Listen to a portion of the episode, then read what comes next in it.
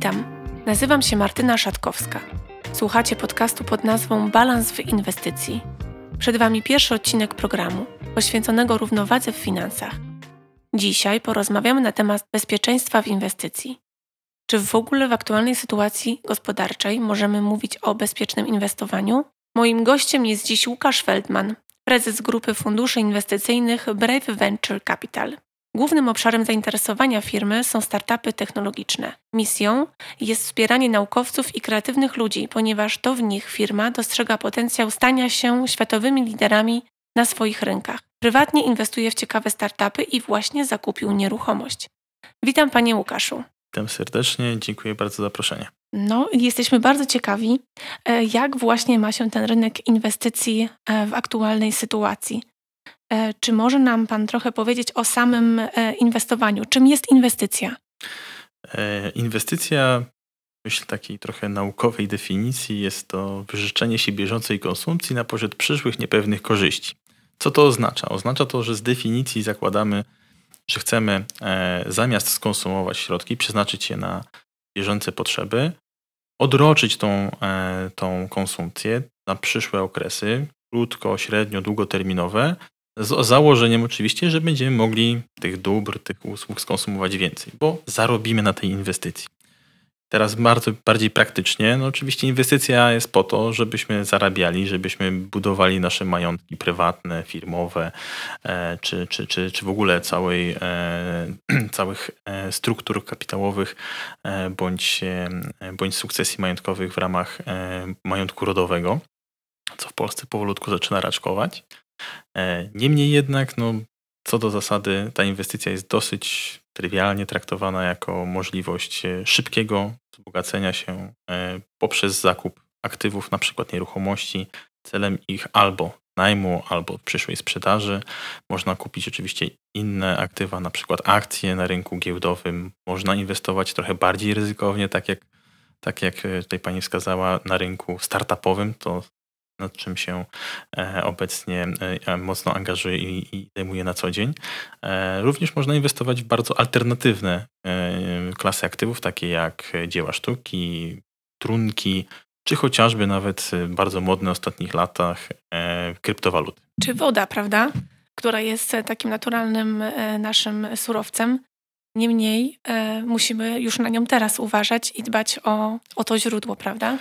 Każde tak naprawdę, każde aktywo może być e, w odpowiedni sposób e, ustrukturyzowane, żeby stało się dobrem inwestycyjnym e, i tutaj akurat wchodzimy w takie zagadnienia dosyć mocnej inżynierii finansowej, ale można zarabiać również na zmianach pogodowych, na zmianach klimatycznych, na, na, różnego rodzaju kwestiach katastroficznych, więc tak naprawdę można inwestować we wszystko. Kwestią mhm. tylko jest, czy dany inwestor jest w pełni świadomy w to, w co inwestuje i z jakiego rodzaju ryzykiem się wiąże dana inwestycja, bo tak de facto o inwestowaniu powinniśmy myśleć nie w kategorii ile możemy zarobić, a raczej jak mamy zarządzać ryzykiem, które się wiąże z daną inwestycją. Bo najlepsi inwestorzy na świecie nie wychodzą z założenia ile chciałem zarobić, tylko jakiego rodzaju ryzyko jestem w stanie zaakceptować i jak nimi zarządzam, bo jeśli robią to odpowiednio skrupulatnie, w odpowiednio długim horyzoncie czasowym, to i zyski z tych inwestycji są naprawdę ponadprzeciętne. No właśnie, a wspomniał Pan o tym, że inwestycje i jakby edukacja o inwestycjach w Polsce dopiero raczkuje. Czyli rzeczywiście nie mamy edukacji takiej typowo finansowej w Polsce, ani w szkołach, ani później. Oczywiście, jeśli pójdziemy na studia, to wiadomo, jeśli będą one profilowe, to jak najbardziej tak. Ale fakt faktem, rzeczywiście nikt nas nie uczy inwestowania i zarządzania tym budżetem, czy domowym, czy firmowym, prawda? Zgadza się. No tutaj akurat z, z osobistego doświadczenia, ponieważ również e, prowadzę zajęcia na Uniwersytecie Ekonomicznym z finansów osobistych i z wealth management. E, I niestety dla wielu z tych osób, niestety e, moja prywatna opinia, Często osoby dopiero w tym momencie, kiedy przychodzą na studia profilowe, kierunkowe, ekonomiczne, dopiero zaczynają mieć przedmiot z zakresu zarządzania budżetem osobistym. Coś, co dla mnie powinno być tak naprawdę e, wpajane, może nie od najmłodszych lat, ale przynajmniej od, od wieku takiego licealnego, gdzie pojawiają się jakieś pierwsze kieszonkowe, jak nimi rozsądnie zagospodarować. Nie mówimy tu o budowaniu wieloletnich planów inwestycyjnych i planów oszczędnościowych dla takiego młodego człowieka, ale już wtedy, żeby wpajać podstawowe mechanizmy, na czym polega oszczędzanie, na czym polega inwestowanie, jak e, rozsądnie budować swoje oczekiwania co do stawianych celów finansowych, bo to jest też e, bardzo istotny aspekt i element. E, I dla mnie akurat wpajanie tej wiedzy od najmłodszych lat jest, jest wręcz fundamentalne, co, co powinno tak naprawdę być przetransponowane na taki jeżeli by się dało kiedykolwiek ogólnokrajową e, plan e, budowania tej świadomości. Nawet kiedyś próbowaliśmy e, z taką inicjatywą w ramach z Uniwersytetu Ekonomicznego wyjść Akademią Finansów Osobistych i, i wyjść właśnie do, do osób młodych w wieku licealnym. Udało się przeprowadzić kilka spotkań. Z tego co widzieliśmy, reakcje były bardzo, bardzo sympatyczne.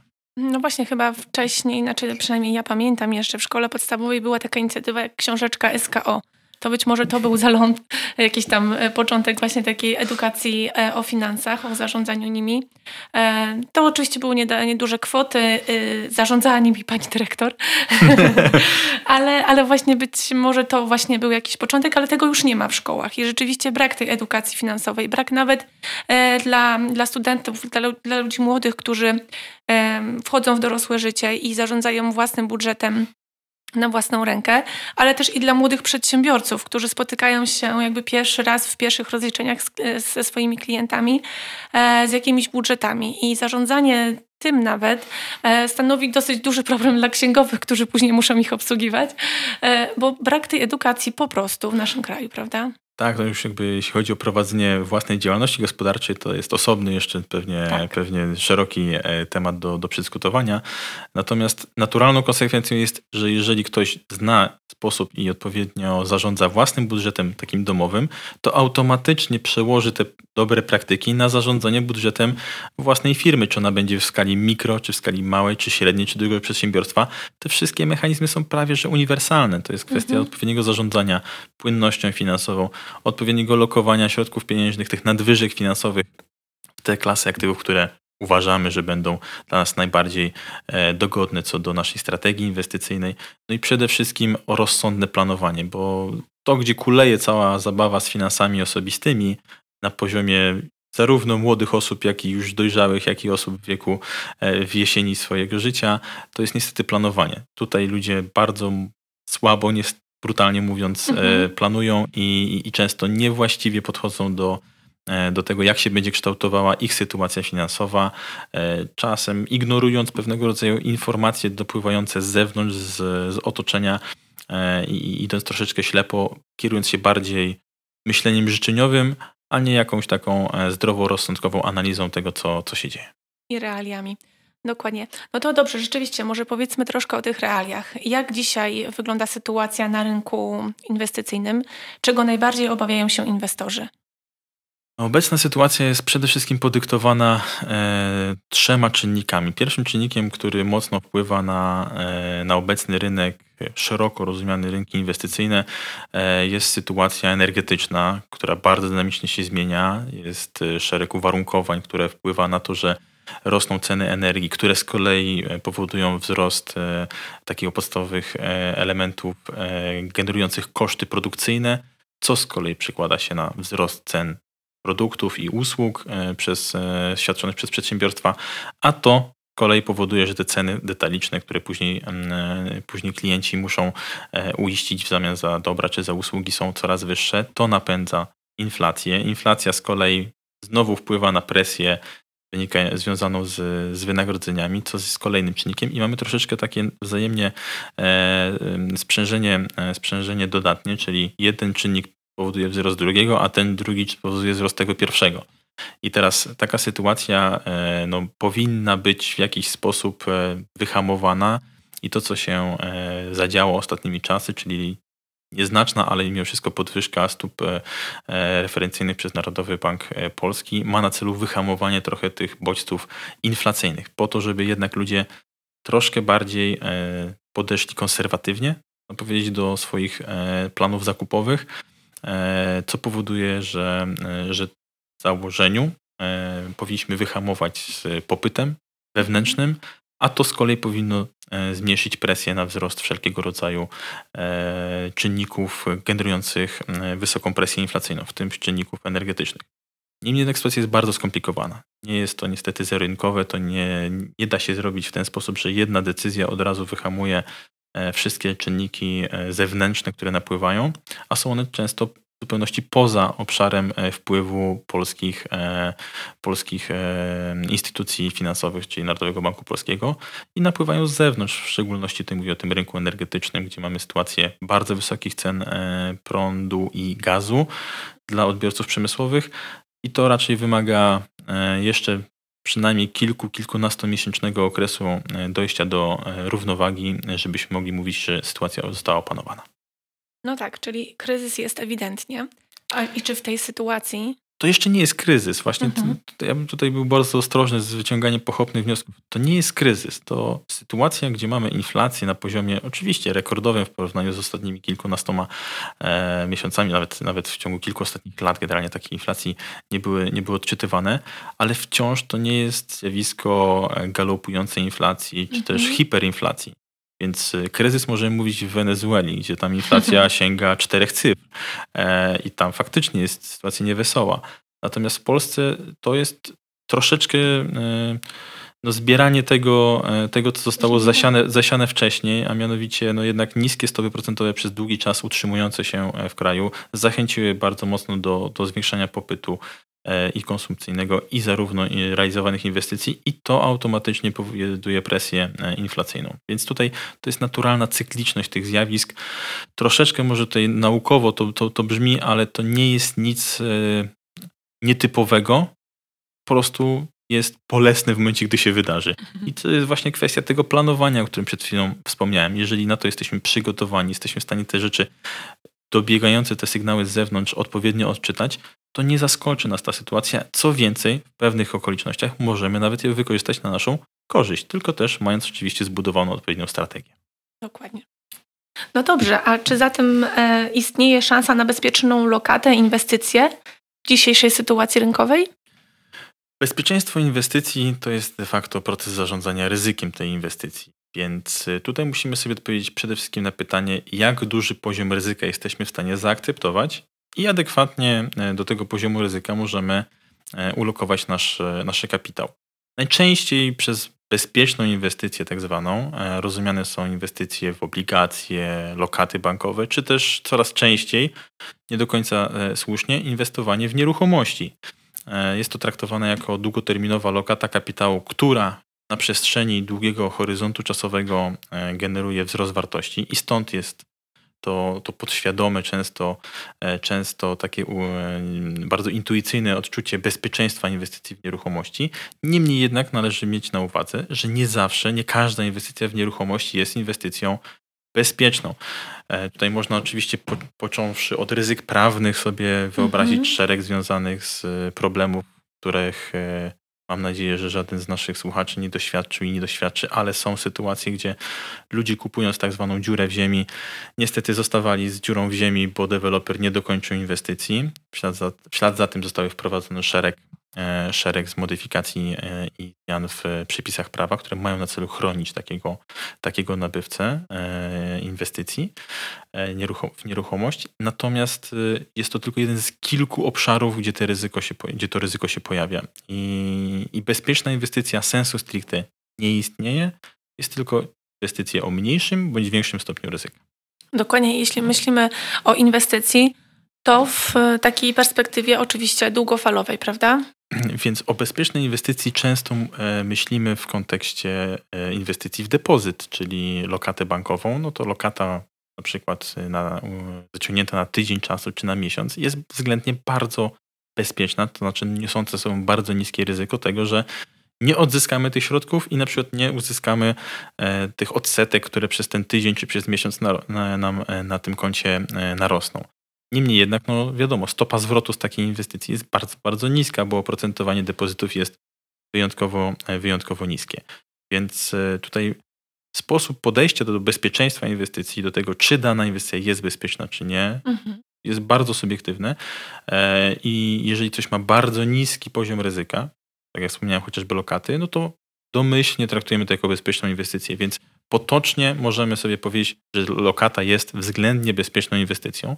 I tak samo w inwestycjach w różnego rodzaju inne aktywa można mówić o większym i mniejszym ryzyku. E, chociażby zróżnicowany poziom ryzyka mamy inwestując w różne akcje. To nie każda inwestycja w akcje niesie są ten sam poziom ryzyka. Też są spółki, o które mają większy, e, większy profil ryzyka, są spółki, które mają niższy profil ryzyka. To samo się dzieje na rynku nieruchomości i we wszystkich innych e, klasach aktywów ta sytuacja się powiela. Mhm. A właśnie jeśli mowa o rynkach i o bezpieczeństwie, czy są takie, które są bardziej stabilne i jeśli tak, to dlaczego? O, stabilność rynku to jest kolosalny mm. program. Tutaj pewnie koledzy z e, Uniwersytetu Ekonomicznego e, mogliby godzinami rozprawiać na temat stabilności systemu finansowego. Niemniej jednak e, w bardzo takim e, podstawowym e, rozumieniu, no oczywiście no są, są rynki bardziej stabilne i mniej stabilne. No chociażby rynek szeroko rozumiany depozytowy, czyli właśnie tych lokat, no jest bardziej stabilny zdecydowanie niż rynek kryptowalut. Tak? Mamy mhm. rynek nieruchomości, który jest na pewno bardziej stabilny niż rynek akcji. Więc to też jest uzależnione od tego, w co i jak chcemy inwestować. E, bo na każdym rynku znajdziemy zarówno takie przypadki e, mniej ryzykownych inwestycji i bardziej ryzykownych inwestycji. Kwestia tego, jaki profil ma dany inwestor, jaki poziom ryzyka mu odpowiada.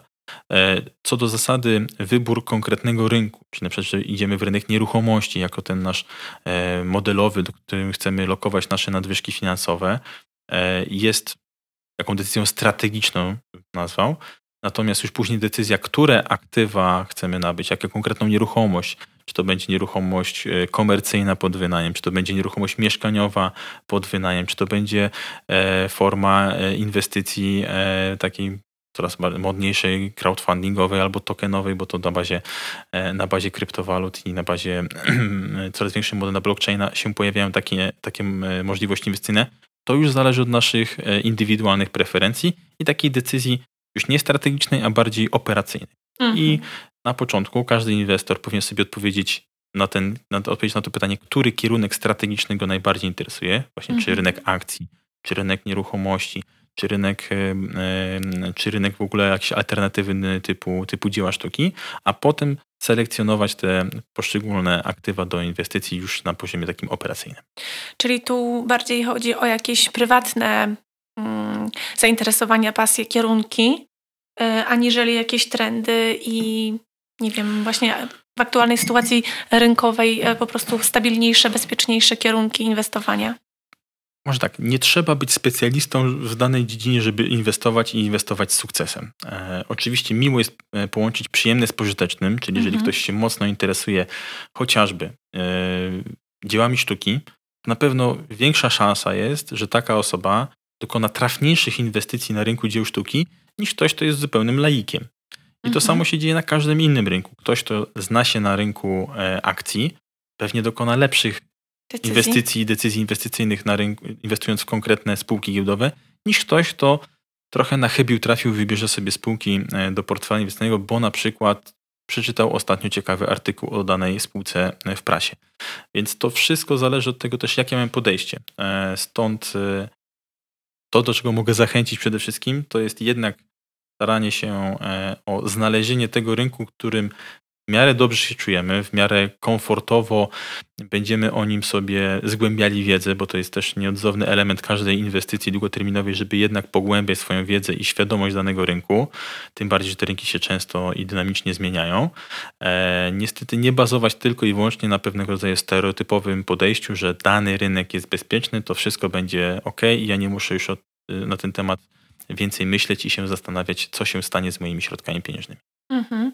No ale właśnie mm, a propos tych trendów, czyli tutaj raczej one nie mają e, jakby przewagi ponad tym, w czym się specjalizujemy, prawda? To też zależy od tego, o jakich trendach mówimy, bo są trendy, które są krótkoterminowe, średnioterminowe i długoterminowe. Jeżeli chcemy zainwestować w krótkoterminowe trendy, e, i tutaj znowu za, za, przykład możemy e, wziąć rynek kryptowalut i, i chociażby bitcoina, który ma swoje zrywy co pewien okres czasu i, i są gwałtowne wzrosty, ale też gwałtowne spadki e, na tym rynku.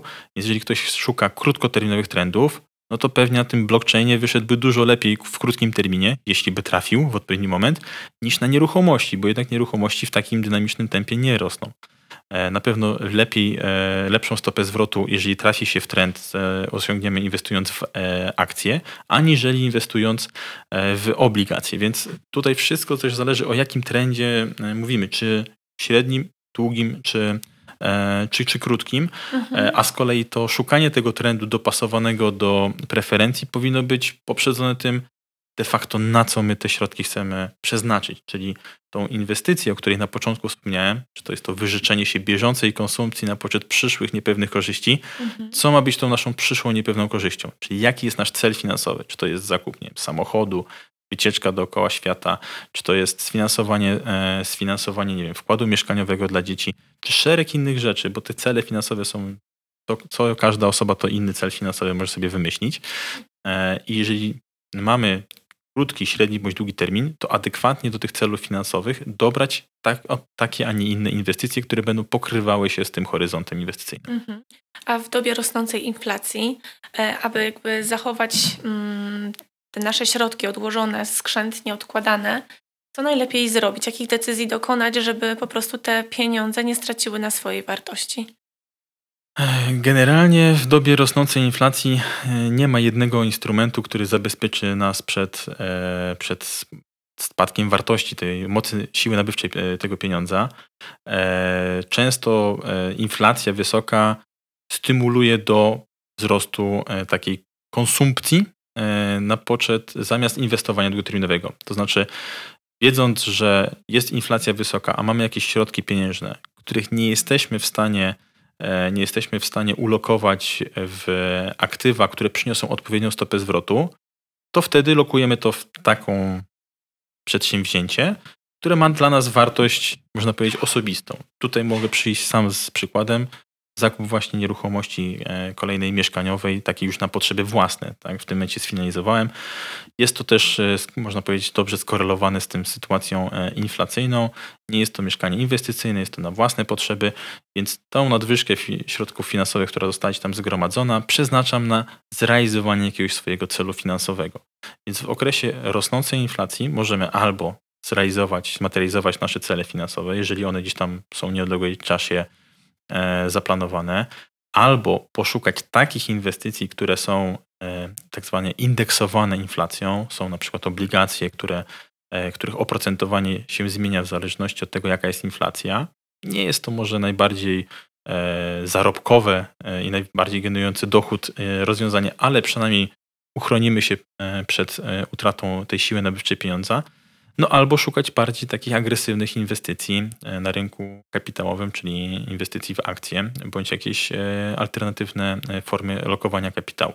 Możemy zawsze myśleć oczywiście, i to jest sytuacja, która teraz ma miejsce, o rynku nieruchomości i lokowania swoich nadwyżek finansowych w takie inwestycje, gdzie widzimy potencjał zwiększenia wartości.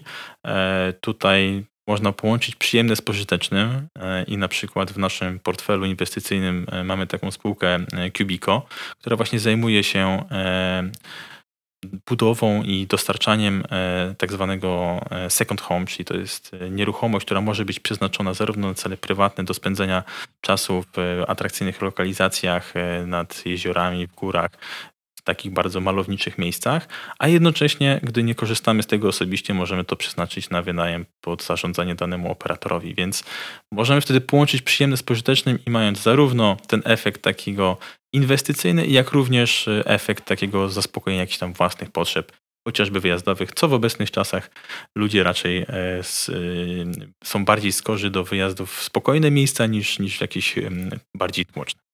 No dokładnie, w ogóle obserwując właśnie y, dzisiejszą rzeczywistość, rozglądając się na boki, można zauważyć właśnie wzrost, wzrost atrakcyjności, w ogóle zainteresowanie i rozbudowę w ogóle tego e, rynku nieruchomości. Mamy coraz więcej nowych inwestycji mieszkaniowych, ale i nie tylko. W środku, w, centrum, w centrach miast również e, te budowy się odbywają, bardziej takie właśnie biurowe. E, czyli ten kierunek inwestowania, taki namacalny, również jest korzystny i jak najbardziej dobrym, jest dobrym kierunkiem. Tak, oczywiście. To jest, to jest kwestia też wyczucia, można powiedzieć, momentu rynkowego, bo wiadomo, że nikt nie chce kupować, jak jest bardzo drogo, ale nigdy, nigdy nie wiadomo, czy, czy te ceny wciąż nie będą rosły. I, mhm. e, i tutaj e, sobie przed naszym spotkaniem jeszcze pozwoliłem gdzieś tam sięgnąć e, do, do, do annałów historii i e, danych statystycznych, jak to wyglądało w kontekście cen metra e, kwadratowego w stosunku do wynagrodzeń przeciętnych w gospodarce. W takim, na przestrzeni 1998-2018, więc drobną korektą jeszcze na bieżące wydarzenia, to te wartości cały czas gdzieś tam są zbliżone, one fluktuują. Czyli w mhm. momencie, gdy są, gdy rynek jest troszeczkę rozgrzany, tak jak mieliśmy w świeżo po wejściu do Unii, gdy rynek się troszeczkę bardziej otworzył na inwestorów z zagranicy, to te wskaźniki niestety mocno rosły, to znaczy wynagrodzenie E, wynagrodzenie e, przeciętne było e, dawało mniejszą moc nabywczą względem metrów kwadratowych, które możemy nabyć, średnich ten metrów kwadratowych w, w, wśród nieruchomości na rynku polskim. Natomiast potem następowało odreagowanie. I to, co teraz mamy widoczne bardzo mocno na, na, na rynku, to jest znowu taka sytuacja, gdzie mamy mocny wzrost cen, który będzie odreagowane. Tylko teraz, czy to odreagowanie będzie polegało na tym, że wzrosną wynagrodzenia i przez to ten parytet się nam zrówna do jakiegoś poziomu średniej z kilkunastu lat, czy też e, poprzez lekką korektę cen, no to już niestety jest niejednoznaczne i, e, i na to jest dużo trudniej odpowiedzieć. No tak, ale można też zauważyć to, że coraz chętniej nabywamy te nieruchomości, e, bo dawniej te osoby starsze bały się tego ryzyka, niemniej jednak gdzieś tam w ostatecznym rozrachunku decydowały się na, na inwestycje, a teraz nawet studenci e, kupują swoje pierwsze nieruchomości już na studiach, więc ten rynek rzeczywiście bardzo się ożywił i e, rozwija się w Polsce przynajmniej, nie wiem jak to wygląda na świecie, bardzo atrakcyjnie.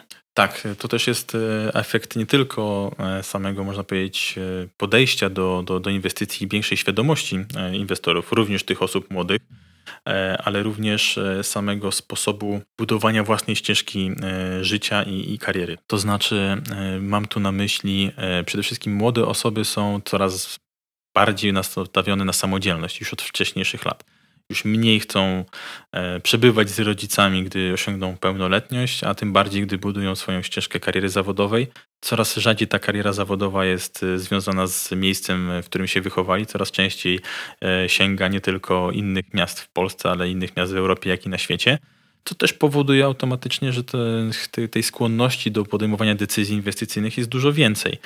E, również osoby, które z kolei stają się coraz bardziej majętne, bo jako społeczeństwo stajemy się coraz bardziej majętni, jest to, jest to też e, e, statystycznie potwierdzone, powoduje, że mamy więcej nadwyżek, których też chcemy lokować i naturalną rzeczą jest to, że, że będziemy szukali takich inwestycji, które są najbardziej nam bliskie, najbardziej zrozumiałe, a z definicji te najbardziej zrozumiałe dla nas inwestycje to są inwestycje w nieruchomości. Więc to jest naturalna konsekwencja wielu czynników, nie tylko aspektu bogacenia się, zmiany sposobu podejścia do życia przez, przez osoby, e, ale również pewnego rodzaju trendu rynkowego, o którym tutaj wcześniej rozmawialiśmy.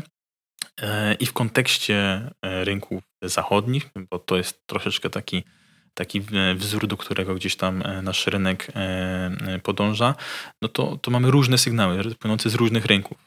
Sytuacją na przykład dosyć pewnie mało optymistyczną, ale która ma miejsce, chociażby na rynku niemieckim, w szczególności to jest widoczne w Berlinie.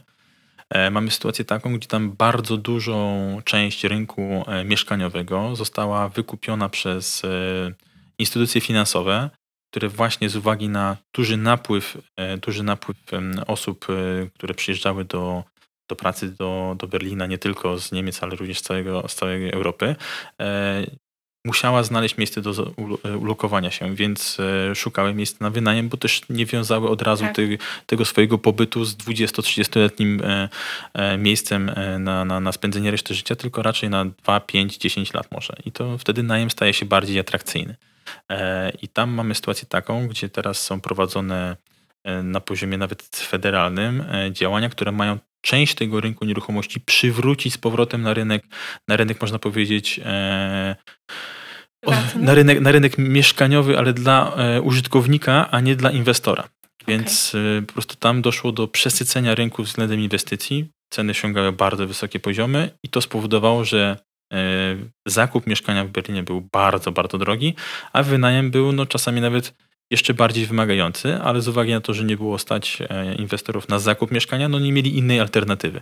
Więc niestety są sytuacje, gdzie można powiedzieć, że e, te zmiany na rynku będą mogły prowadzić do bardzo niefortunnych i, e, i niekorzystnych dla osób fizycznych rozwiązań, ale są też rozwiązania, gdzie te rynki są bardziej być elastyczne, bardziej nakierunkowane na, na odbiorców indywidualnych i gdzie większa część tych inwestycji będzie spoczywała w rękach e, odbiorców indywidualnych. I tutaj znowu można pokazać, że nie musimy się skupiać tylko na inwestycji w dużych miastach, coś, co jest najczęstszą. No to było kolejne moje pytanie.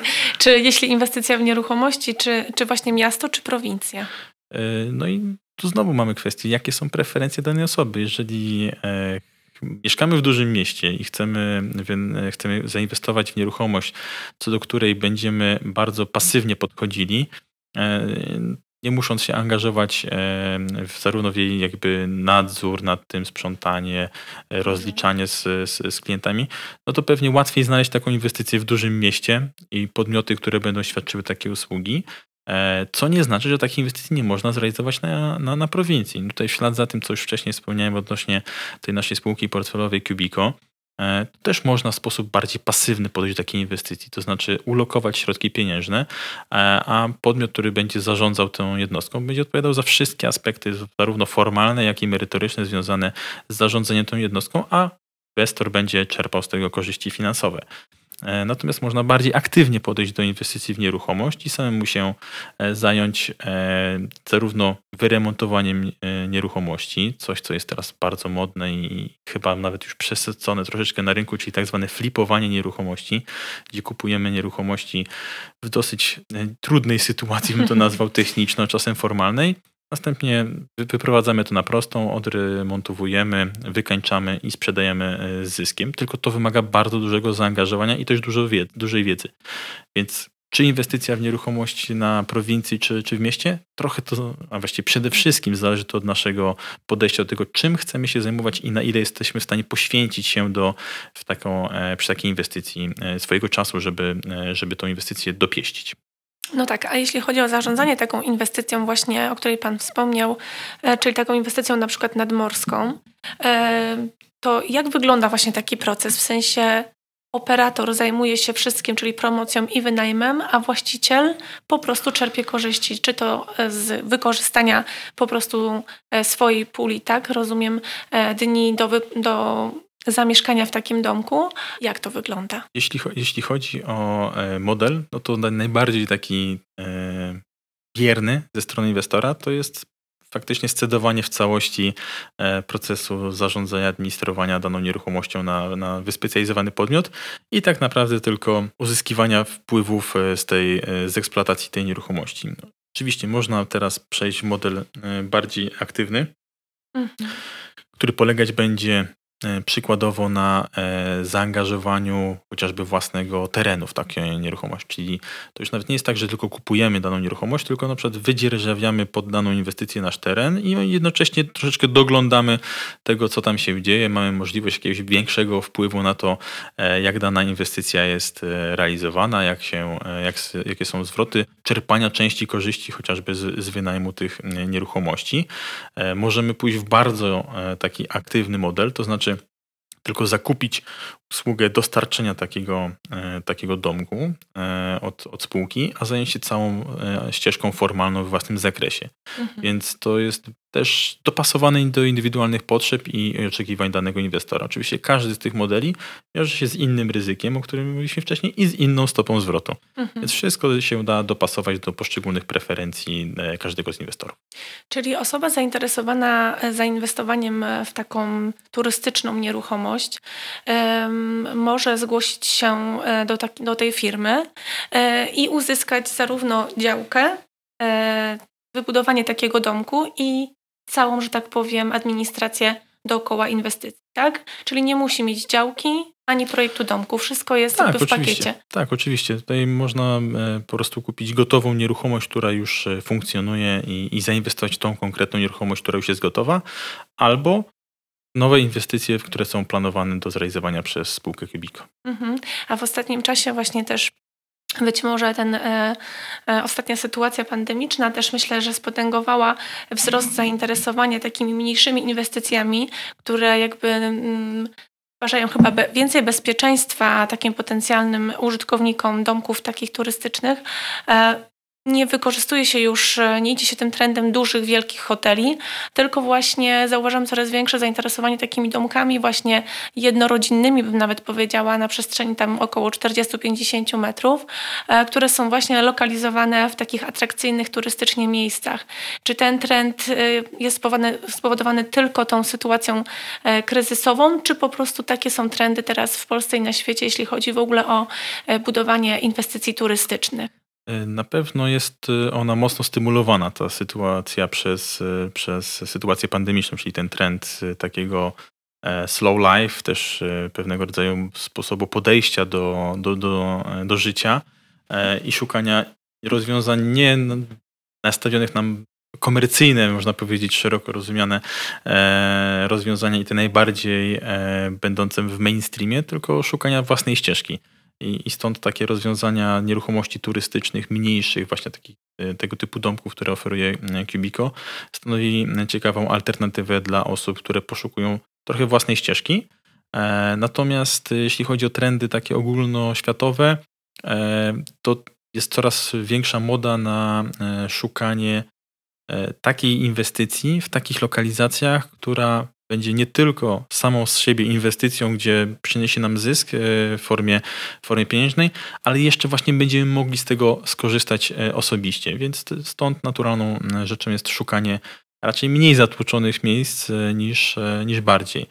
No i oczywiście nie, nie zmieni to w sytuacji takiej, że wciąż będą powstawały E, wielkie, e, wielkie hotele e, przy nabrzeżach morskich, czy też w górach, to po prostu powoduje, że rynek jest bardziej zdywersyfikowany. A mhm. dywersyfikacja rynku powoduje, że każdy klient, który później docelowo chce skorzystać z takiej usługi, ma większą możliwość wyboru i dopasowania, dopasowania rozwiązania, które bardziej mu odpowiada. Mhm. Ale też chyba możemy zauważyć, że w niektórych takich bardziej atrakcyjnych, większych miejscowościach nadmorskich w naszym kraju e, można zauważyć właśnie takie większe inwestycje hotelowe, wysokie, prawie drabacze, niemalże drapacze chmur, a obok właśnie niewielkie inwestycje na skraju, co prawda może i nawet dalej od morza, e, ale równie atrakcyjne i równie e, urokliwe jak właśnie e, te nadmorskie inwestycje, które znajdują się tuż przy plaży. Które rozwiązania w naszym, w Polsce będą się rozwijały i które Pana zdaniem e, aktualnie aktualnie przeżywają swój e, rozkwit? Myślę, że no, na pewno w tym e, obecnej sytuacji rozkwit przeżywają te mniejsze e, mhm. inwestycje. Coraz też więcej się mówi o inwestycjach realizowanych na bazie właśnie kontenerów morskich i przekształcenia nie tylko w formie małych nieruchomości, ale również poprzez ich konstrukcję modułową w duże, w duże nieruchomości o łącznym takim rozsądnym metrażu. I to myślę, że jest pewien istotny trend. To znaczy, na pewno nie będzie to dominujący trend mhm. i dominująca wielkość e, udziału w rynku e, wśród nieruchomości takich turystyczno-hotelowych, bo wciąż hotele będą miały swoich klientów. No jednak trzeba, trzeba sobie uzmysłowić, że to, to, to jest trochę inna usługa, którą oczekuje ktoś, kto jedzie do hotelu, a trochę inna usługa, którą jedzie ktoś na taką, na takie spokojne miejsce, w którym chce odpocząć, odetchnąć. Więc co do zasady, na pewno większy tempo wzrostu w tym momencie jest tego segmentu małych nieruchomości. E, można powiedzieć o bardzo personalizowanym charakterze. E, natomiast pewnie po okresie pandemicznym, który jest kolosalnym ciosem dla całej branży hotelowej, e, te inwestycje hotelowe będą z powrotem, z powrotem przyrastały. Mhm. A czy sytuacja y, w Polsce wygląda podobnie jak na świecie w kontekście tych domków właśnie turystycznych czy hoteli y, w atrakcyjnych turystycznie mm, miejscowościach? Tak naprawdę Polska znowu staje się y, de facto miejscem, gdzie się przeszczepia modele z zagranicy. To znaczy nie jest to wymysł polski, tego typu rozwiązań nieruchomościowych. Jest to już coś, co sprawdziło się na rynkach, na rynkach Europy Zachodniej, więc to naturalną rzeczą nie będziemy w Polsce się rozwijali bardziej dynamicznie niż na Zachodzie, bo tam już ten rynek troszeczkę jest, e, jest e, nasycony. Natomiast w Polsce to jest dopiero raczkujący rynek i naturalną konsekwencją nasycania się rynku jest dosyć duża e, ilość tego typu inwestycji. Tutaj chociażby możemy teraz to przyrównać do rynku paneli fotowoltaicznych. Mamy teraz mhm. ogromny boom na, boom na inwestycje w panele fotowoltaiczne, ale też w pewnym momencie ten rynek się syci. No i to nie, nie, jest, nie jest niczym nowym sytuacja, gdzie inwestycja w panele fotowoltaiczne już nie będzie generowała tak dużych e, korzyści, jak na przykład jeszcze generuje e, obecnie. Co nie znaczy, że nie będzie atrakcyjna. Mm, a jeśli właśnie mówimy o takiej inwestycji turystycznej, powiedzmy o takim domku e, właśnie letniskowym, to o jakim kapitale, o, o jakiej wielkości kapitału możemy mówić, jeśli chcielibyśmy zainwestować? Jakiego rzędu są to kwoty? Inwestycja w taką nieruchomość to jest koszt rzędu 300 tysięcy złotych. E, to jest zarówno inwestycja bezpośrednio, e, bezpośrednio w, e, w, w, ten domek, jak również infrastrukturę przyległą, która jest związana z, z, danym, z danym domkiem. I Oczywiście można to sfinansować w całości własnymi oszczędnościami, jak również można posiłkować się finansowaniem dłużnym. No i tutaj jest w zależności od tego, kto byłby nabywcą, czy to inwestor indywidualny, czy też na przykład w ramach działalności gospodarczej, to można myśleć o formach na przykład leasingowych. Wiem pewnie, że to jest bardzo zależne od e, wielu czynników, ale czy można tutaj mówić o mniej więcej jakiej wielkości, jakiej wielkości, jakiej wysokości jest stopa zwrotu z takiej inwestycji? Według y, takich projekcji, które są obecnie, y, obecnie przygotowywane w ramach takich ekspertyz y, naszych inwestycyjnych, to jest około 7-8% w skali roku. Czy aktualnie mm, właśnie jeśli mówimy o finansowaniu, wspieraniu finansowania inwestycji, e, powiedzmy, że w nieruchomości, czy w aktualnej sytuacji bezpiecznie jest zaciągnąć kredyt, na przykład właśnie na jakąś inwestycję mieszkaniową? E, zaciągnięcie kredytu jest to bardzo e, ciekawe, ciekawe wyzwanie, w szczególności gdy mamy sytuację jak e, obecnie wysokich, wysokiej inflacji, gdyż odpowiednio zaciągnięty kredyt potrafi być korzystnym kredytem. I teraz, jeżeli mamy dobrze dobraną strategię finansowania danej inwestycji, to naturalną konsekwencją dobrze dobranej strategii jest, jest zysk. Można sobie tutaj odpowiedzieć na bardzo proste, takie taki problem teoretyczny, czy koszt kredytu, który mam w ramach y, tego, tego finansowania, całościowy koszt kredytu, jest większy czy mniejszy niż moja stopa zwrotu z tej, z tej inwestycji. No i jeżeli obecnie stopy y, procentowe wciąż są na niskich poziomach, jeżeli marże banków są na szczęście na jeszcze rozsądnych, na rozsądnych poziomach i łączny koszt takiego finansowania dłużnego sięga no, od 3 do 5%, można powiedzieć tak najczęstsze widełki, zarówno czy to kredytowe, czy to leasingowe, e, a, a stopa zwrotu z takiej inwestycji jest rzędu 7-8%, no to wydaje się naturalną konsekwencją, że takie rozwiązanie będzie korzystne. Dodatkowo można e, jeszcze posiłkować się o rozwiązania z stałymi stopami procentowymi, co w kontekście, e, w kontekście obecnej sytuacji inflacyjnej i potencjalnie presji na zwiększanie, e, zwiększanie stóp referencyjnych przez Narodowy Bank Polski może też być rozwiązaniem bardzo atrakcyjnym finansowo. Czyli to kwestia kalkulacji, czy, czy warto zaciągnąć kredyt, czy zainwestować w intratną inwestycję. Wszystko musimy dobrze przeliczyć, by sprawdzić, czy w naszym przypadku to zadziała? Jako miłośnik liczenia, tak, jak najbardziej trzeba to dobrze przeliczyć i podjąć świadomą decyzję, e, świadomą decyzję w kontekście tego, czy dana inwestycja e, przynosi, przyniesie nam e, potencjalnie oczekiwane, oczekiwaną stopę zwrotu. No i tak jak e, to przewija się przez naszą dzisiejszą dyskusję, e, czy poziom ryzyka, który jest związany z taką inwestycją, jest dla nas e, akceptowalny. No właśnie, a pytanie, czy każdy może stać się inwestorem? Oczywiście, każdy z nas jest inwestorem, tak naprawdę, może w mniejszym bądź większym stopniu. E, co najwyżej pytanie brzmi, e, na ile świadomie jesteśmy tymi inwestorami.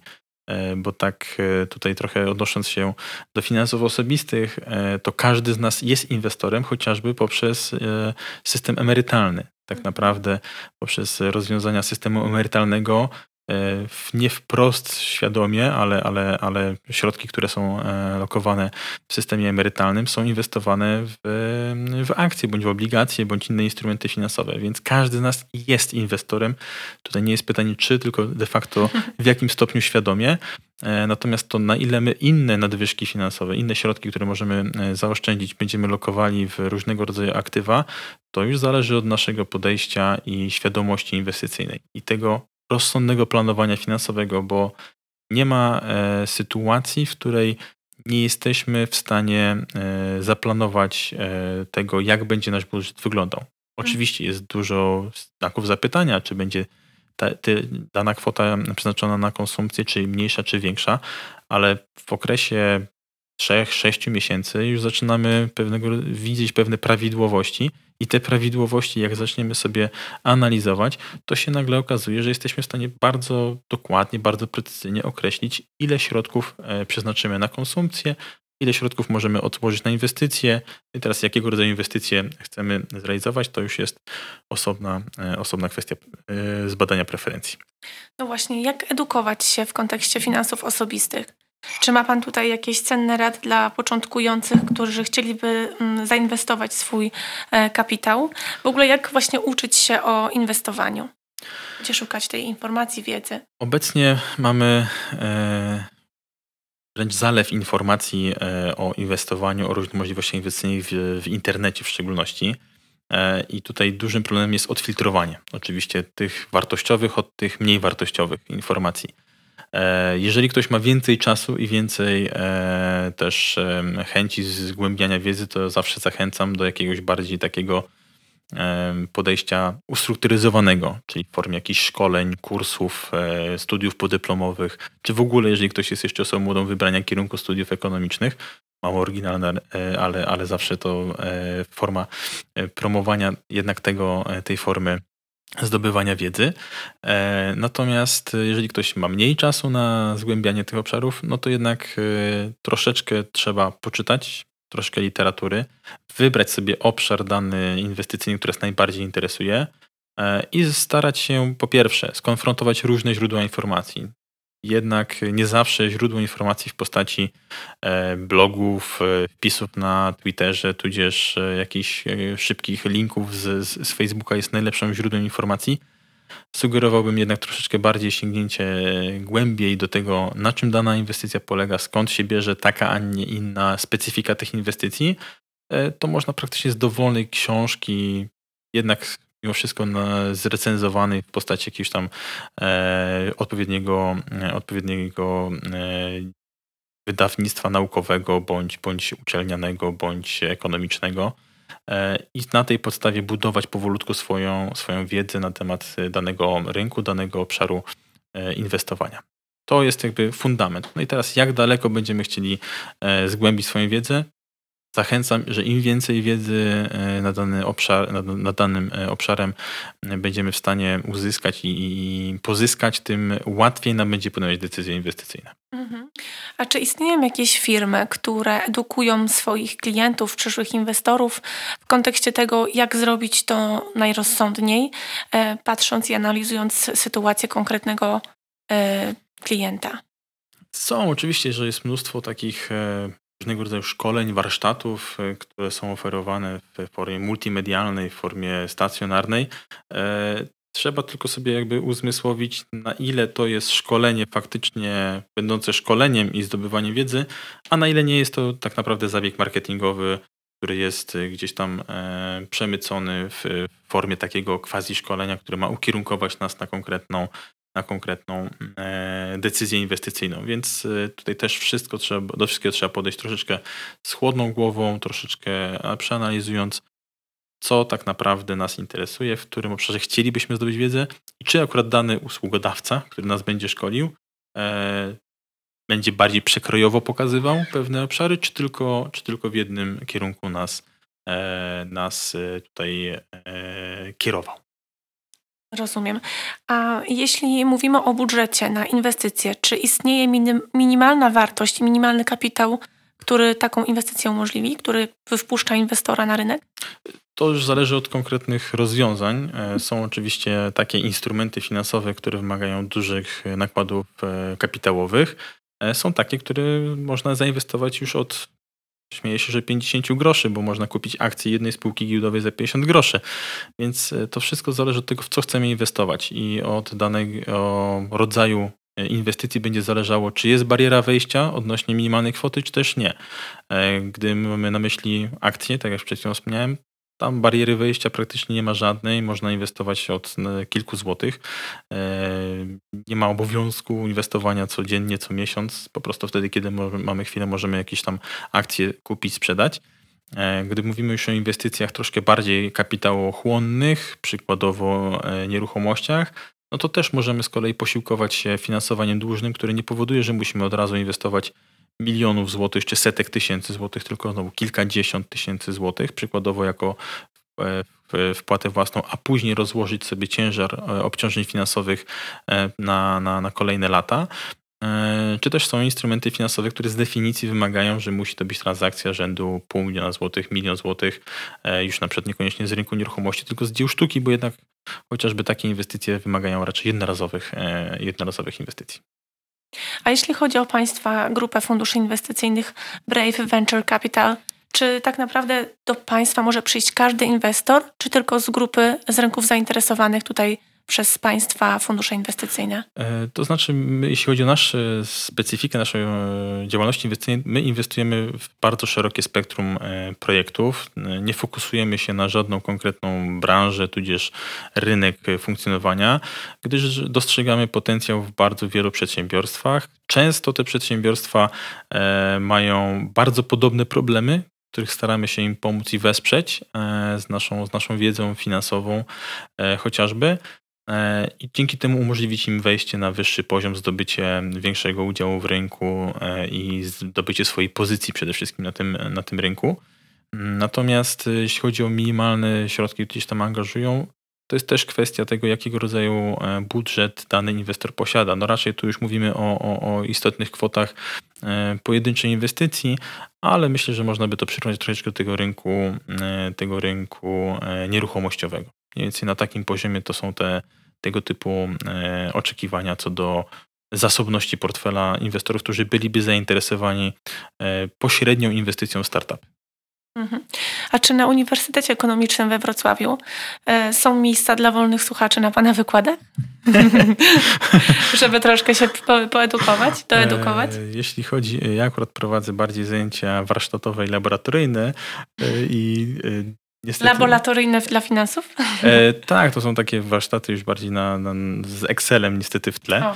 E, natomiast jeśli chodzi o wolnych słuchaczy, to przyznam szczerze, że nawet się nie orientowałem, czy jest taka możliwość, ale pewnie być może jest. Natomiast zawsze niezależnie od tego, czy to na tych, czy w ramach zajęć na, na uniwersytecie, czy też jakichś innych, e, zachęcam do nie tylko kontaktu ze mną, ale jakiegokolwiek kontaktu z znajomością zgłębieniem wiedzy z finansów osobistych, więc każda formuła e, zdobywania tej dodatkowej wiedzy, czy to poprzez przeczytanie jakiejś książki dedykowanej, czy to poprzez słuchanie podcastów. Słuchanie podcastów jak najbardziej, do czego gorąco zachęcam.